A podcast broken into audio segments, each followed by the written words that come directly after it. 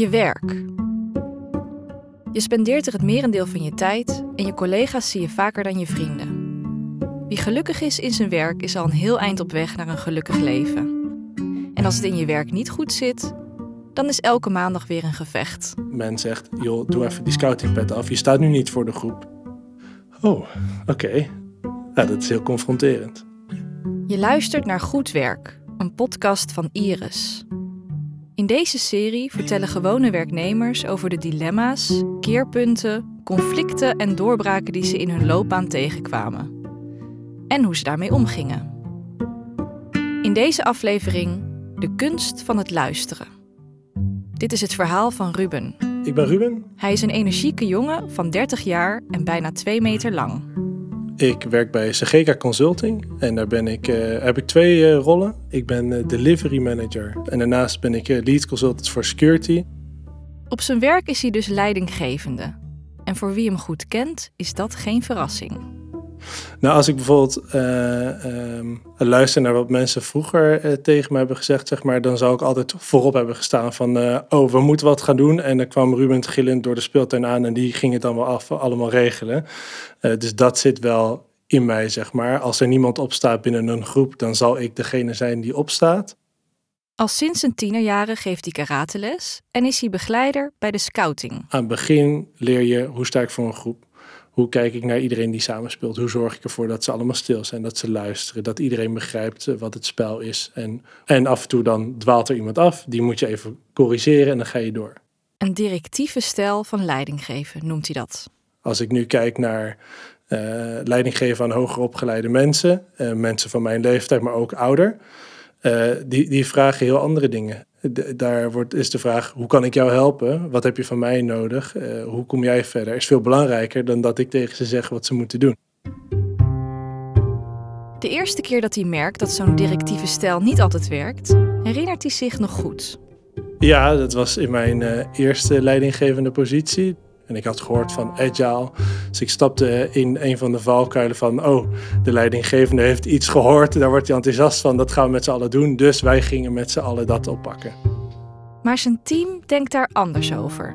Eh, nou, dat waren zeker eh, twee of drie mensen. En dan zaten we met z'n allen in het kantoor. En dan hadden we een call waarop we elke week zeg maar, met elkaar bij eh, praten. Eigenlijk kwam het op neer, zei ik, ja, maar daar hebben we helemaal geen zin in. Hoezo eh, gaan we dat eh, dan doen? Hè? Eh, wat, wat zijn dan alle voordelen? Of dat hebben we al eens geprobeerd. En wie ben jij dan dat het dan niet wel gaat werken? En aan het begin komt het wel echt binnen. Dat je denkt van, oh, wacht even, oké, hoezo dan? En wat een weerstand en wat een gezeur en hoe zit dat dan? Ruben vraagt een meer ervaren collega om advies. En daar krijg ik over, joh, je, je, je vangt nog niet alle signalen op die je team eh, afgeeft eh, aan jou. En eh, je moet je daar goed voor openstellen en ben je daar bewust van. Luister nou eens, wat, wat speelt er nou precies? Ruben werkt bij KPN als hij mee mag doen met een uitgebreid leiderschapsprogramma. Dat bestaat uit weekenden, workshops en opdrachten. Ja, dus het is een groep van 15 collega's van KPN door het gehele bedrijf heen die tegelijkertijd starten met dit eh, traject en dan ook samen eindigen, zeg maar. Dus je bent echt continu met deze groep bij elkaar. Maar het gaat met name om, je moet eerst jezelf leren kennen. En als je weet wie je bent, dan pas kun je wat meer zeggen over je omgeving of eh, de mensen aan wie je leiding geeft. Ehm, dus de eerste twee, drie modules gaat puur over wie ben ik? Eh, hoe ga ik om met anderen? Hoe gaan anderen om met mij? Hoe bewust ben ik daarvan? Tijdens de training merkt Ruben dat sommige mensen iets doen wat hij zelf eigenlijk nooit voor elkaar krijgt. mensen die dan een tijd stil zijn in zo'n groep. En dan opeens een opmerking maken die hout snijdt. En waarvan iedereen zegt, wow, hoe, hoe doen ze dat, weet je wel. En dat zijn mensen die gewoon hebben even geluisterd. En die hebben echt geluisterd. En denk ik, waarom, waarom kan ik dat niet? Wat hij wel heel goed kan in de training is het voortouw nemen en de koers bepalen. Zoals hij dat gewend is te doen. Ik kan dan heel erg goed overtuigd zijn van mijn oplossing. En dan gaan we dat even presenteren aan de rest van de groep. En dan gaan we het zo doen. Maar voor het eerst krijgt hij van zijn collega's iets confronterends te horen. joh, doe even die scoutingpad af. Je staat nu niet voor de groep. Jij bent hier met gelijken. Je mag je input leveren, dat is prima. Maar je moet ook naar ons luisteren. En we hebben een heel ander samenspel. Oh, oké. Ja, dat is heel confronterend. En wat zij doen, die trainers, die zeggen dan... En wat vind je daar dan van? Of hoe voel je je daarbij? Of uh, wat zou je ermee willen doen? En dat zijn eigenlijk net de vragen die je helemaal niet wil beantwoorden, zeg maar. Want het is ongemakkelijk. Je, eh, je, krijgt het warm, je gaat zweten. Je zit in een groep met veertien anderen. Dus je zit in een kring, bij wijze van spreken. Je wordt meteen gedwongen om daarover na te denken. Oh, dus ik heb een scoutingpet op. Oké. En weet ik wanneer ik hem op heb?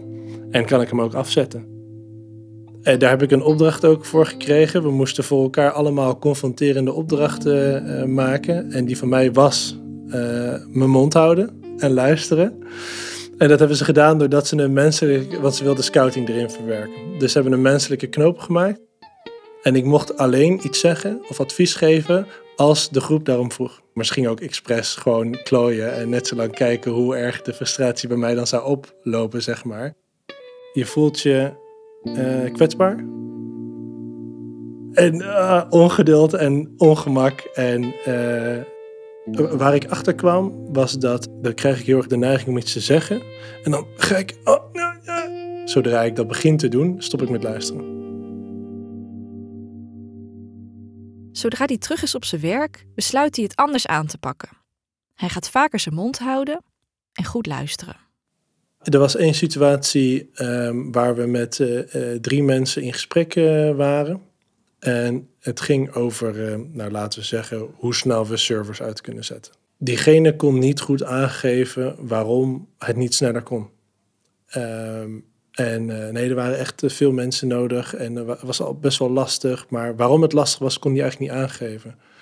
En omdat we met z'n drieën zaten, kon de ander praten en kon ik gewoon eens kijken. En terwijl Ruben luistert en observeert, krijgt hij iets in de gaten.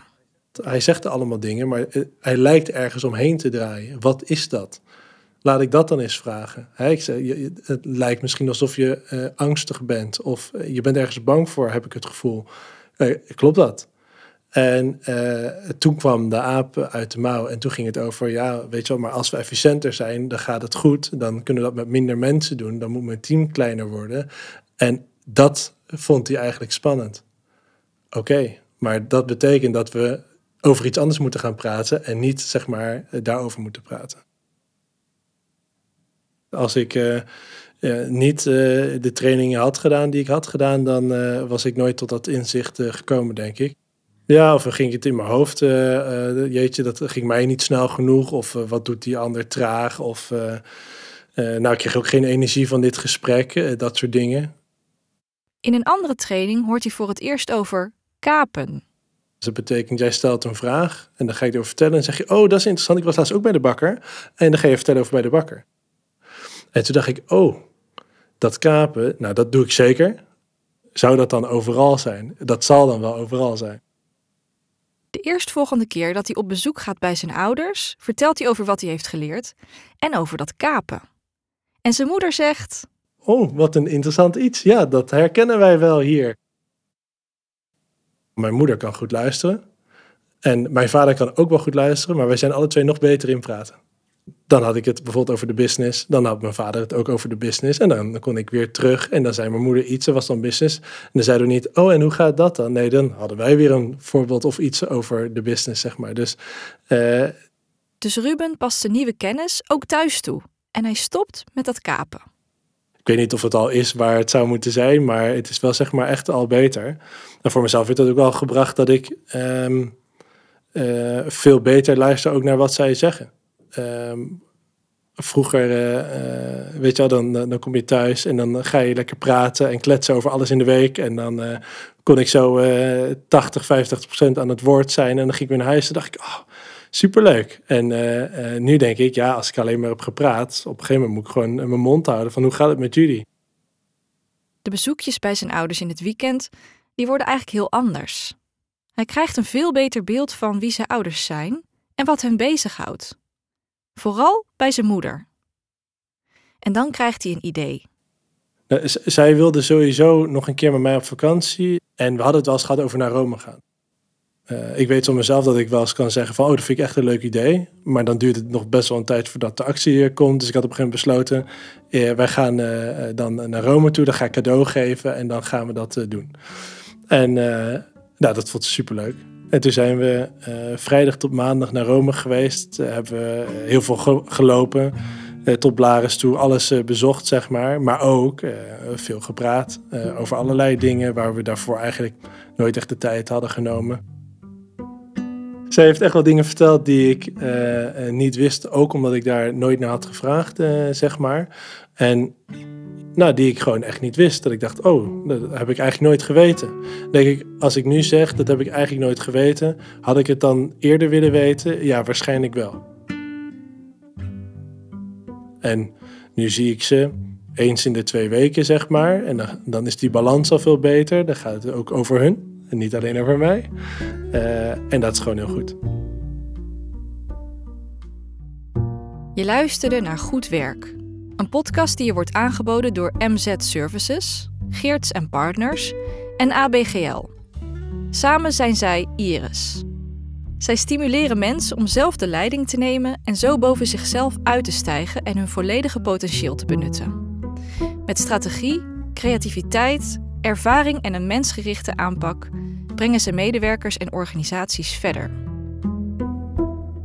Interviews en montage Lotte van Galen. Concept en redactie Tom Loijs. Techniek Arno Peters.